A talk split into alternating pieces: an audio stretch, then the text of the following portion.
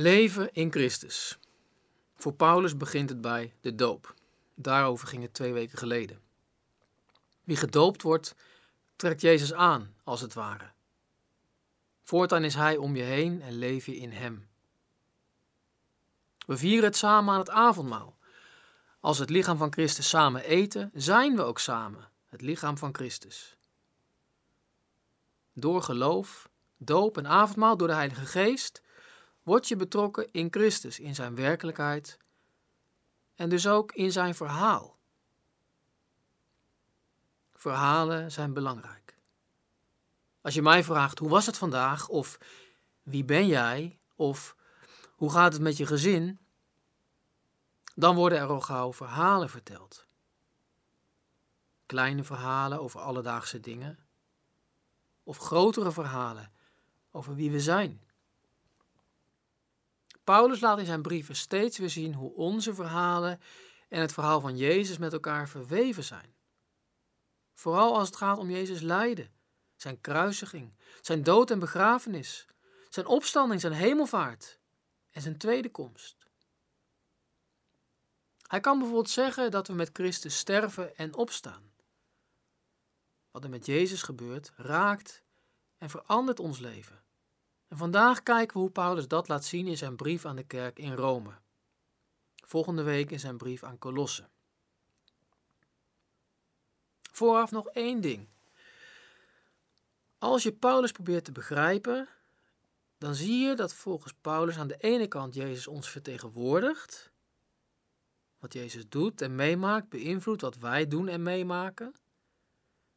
En aan de andere kant delen wij in Christus. Wij gaan meemaken wat Jezus heeft meegemaakt.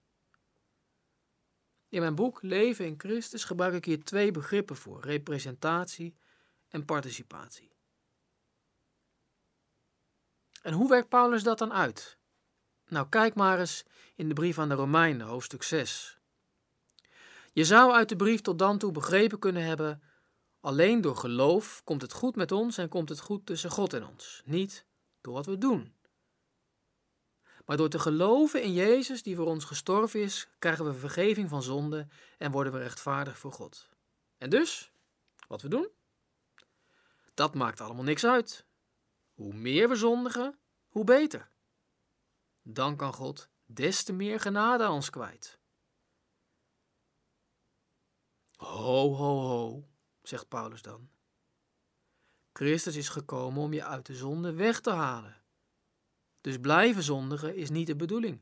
Je bent, zegt Paulus, Romeinen 6, vers 2, toch dood voor de zonde. Denk even met Paulus mee en gebruik je verbeeldingskracht even. Paulus zegt: Jullie waren slaven van de zonde. En vergis je niet, slavernij komt nog steeds voor. Nou, stel je voor dat je slaaf bent en dat de zonde je eigenaar is. Dan kun je niet zelf kiezen wat je doet. Je moet gewoon gehoorzaam zijn aan je meester. En dat is de zonde. Kijk maar in vers 6 en vers 7. Zonder Jezus is het heel simpel. Allemaal zijn we verplicht om te zondigen. Allemaal zijn we slaven van het kwaad. En dan word je in Jezus Christus ingedoopt. Dat wil zeggen, je gaat kopje onder in Jezus en je komt in Hem. Je wordt in Jezus ondergedompeld en verdwijnt als het ware in Hem. Je bestaat niet meer op jezelf, maar in Hem. Of denk weer aan dat beeld van kleding. Je hebt met je doop Jezus aangetrokken. Gedoopt worden betekent kopje ondergaan, verdrinken, verdwijnen in het water. Jezus is ook gestorven en begraven. Zo sterf je met Jezus en word je met Christus begraven. Vers 3 en vers 4. Sterven met Christus. Wat is het effect daarvan op je relatie met de zonde? Je was slaaf van de zonde. De zonde was, je, was de baas in je leven. Maar als je doodgaat, ben je er niet meer. Aan een dode slaaf heb je niks. Die luistert niet meer, die doet niks meer. Zo is ons oude bestaan met Christus gekruisigd, vers 6. Er is een eind aangekomen. De zonde heeft niks meer aan je. Je bent rechtens vrij van de zonde. De zonde kan geen aanspraak meer op je maken, vers 7. Maar dat is niet het einde. Christus is gestorven en opgewekt door de macht van zijn Vader. En als wij met Christus sterven, je denkt toch niet dat we dan dood blijven? Nee, dat is om dan ook met hem op te staan. En we geloven dat dat ook zal gebeuren, vers 8. Wij zullen ook delen in zijn opstanding, vers 5.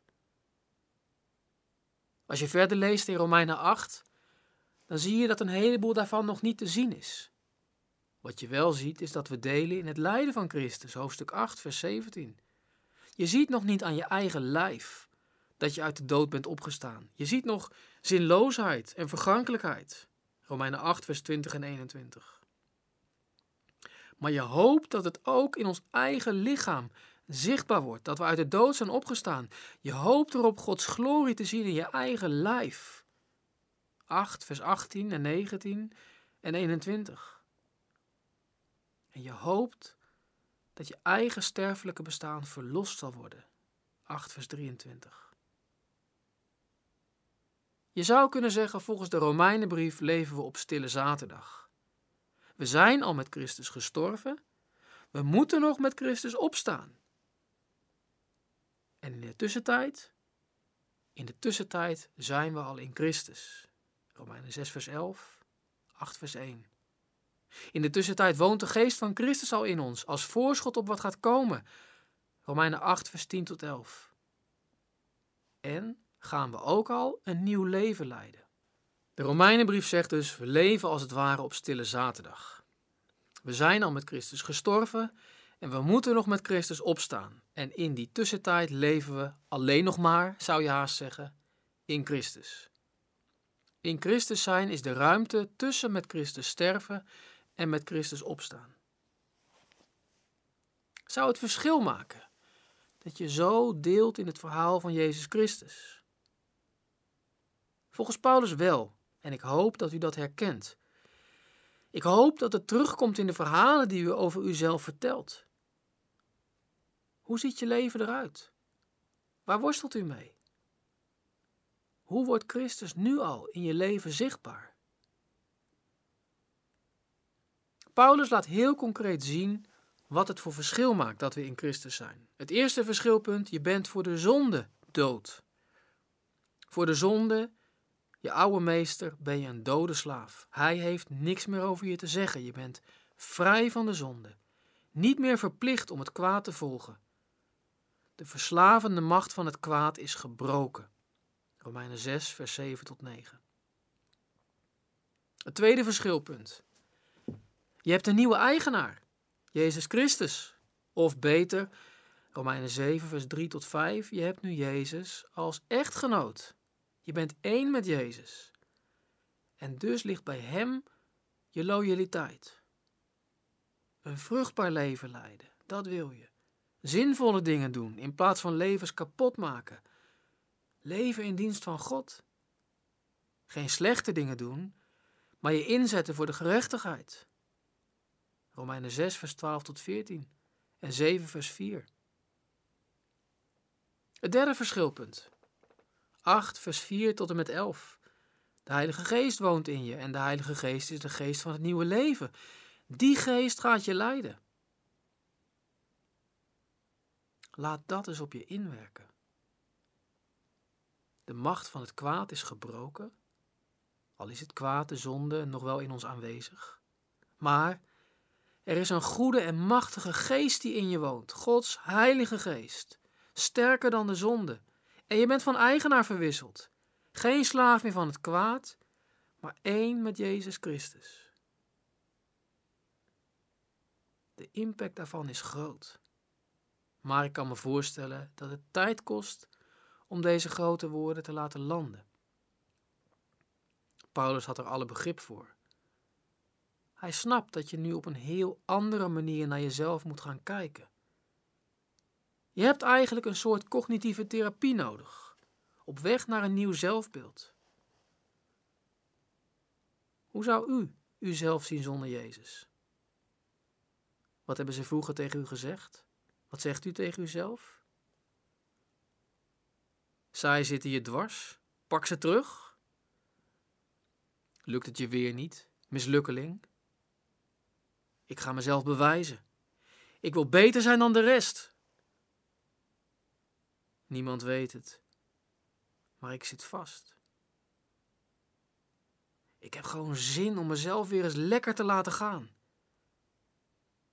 Steeds weer is het de zonde, het kwaad dat hierin doorwerkt. Als trots en arrogantie, als verslaving, als wraakzucht, als minderwaardigheid, als mateloosheid. En dan zegt Paulus, Romeinen 6, vers 11 en verder: leer op een nieuwe manier naar jezelf te kijken. En ga dan een nieuw leven leiden. Nieuw. Zoals het past bij Jezus, die is opgestaan uit de dood en het kwaad heeft overwonnen. Je bent dood voor de zonde. Je bent niet meer verplicht om te zondigen. Zie jezelf zoals God jou ziet. Dood voor de zonde, maar in Christus Jezus levend voor God. Je hoeft het kwaad niet te volgen, je begeerte, je zonde of onrecht te doen. Je hoeft je niet te laten beheersen door negativiteit. Er is genade. Er is een nieuw begin. Je bent vrij van de verslavende macht van het kwaad en vrij van de zonde. Dat is een vorm van positief denken, maar wel een heel bepaalde vorm. Er ligt een stevige basis onder. De verandering die er door Jezus Christus gekomen is. Hij heeft met zijn dood en opstanding het kwaad, de zonde, de duivel overwonnen. En zijn opstanding geeft echt nieuwe mogelijkheden. Geen fantasie, geen fictie, niet jezelf overschreeuwen, maar echt een nieuwe schepping van God. En meer dan dat. De kracht van dat nieuwe bestaan is de Heilige Geest van God zelf. En die geest? Drie keer raden waar die geest is. De geest van God komt in eigen persoon wonen in iedereen die bij Jezus hoort.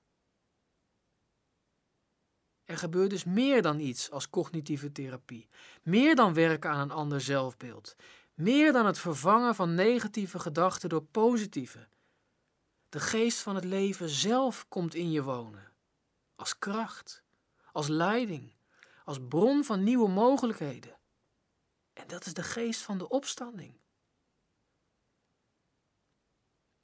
Dat is leven in Christus. Met Christus sterven, straks met Christus opstaan en nu al een nieuw leven leiden, vol van de geest van Pasen.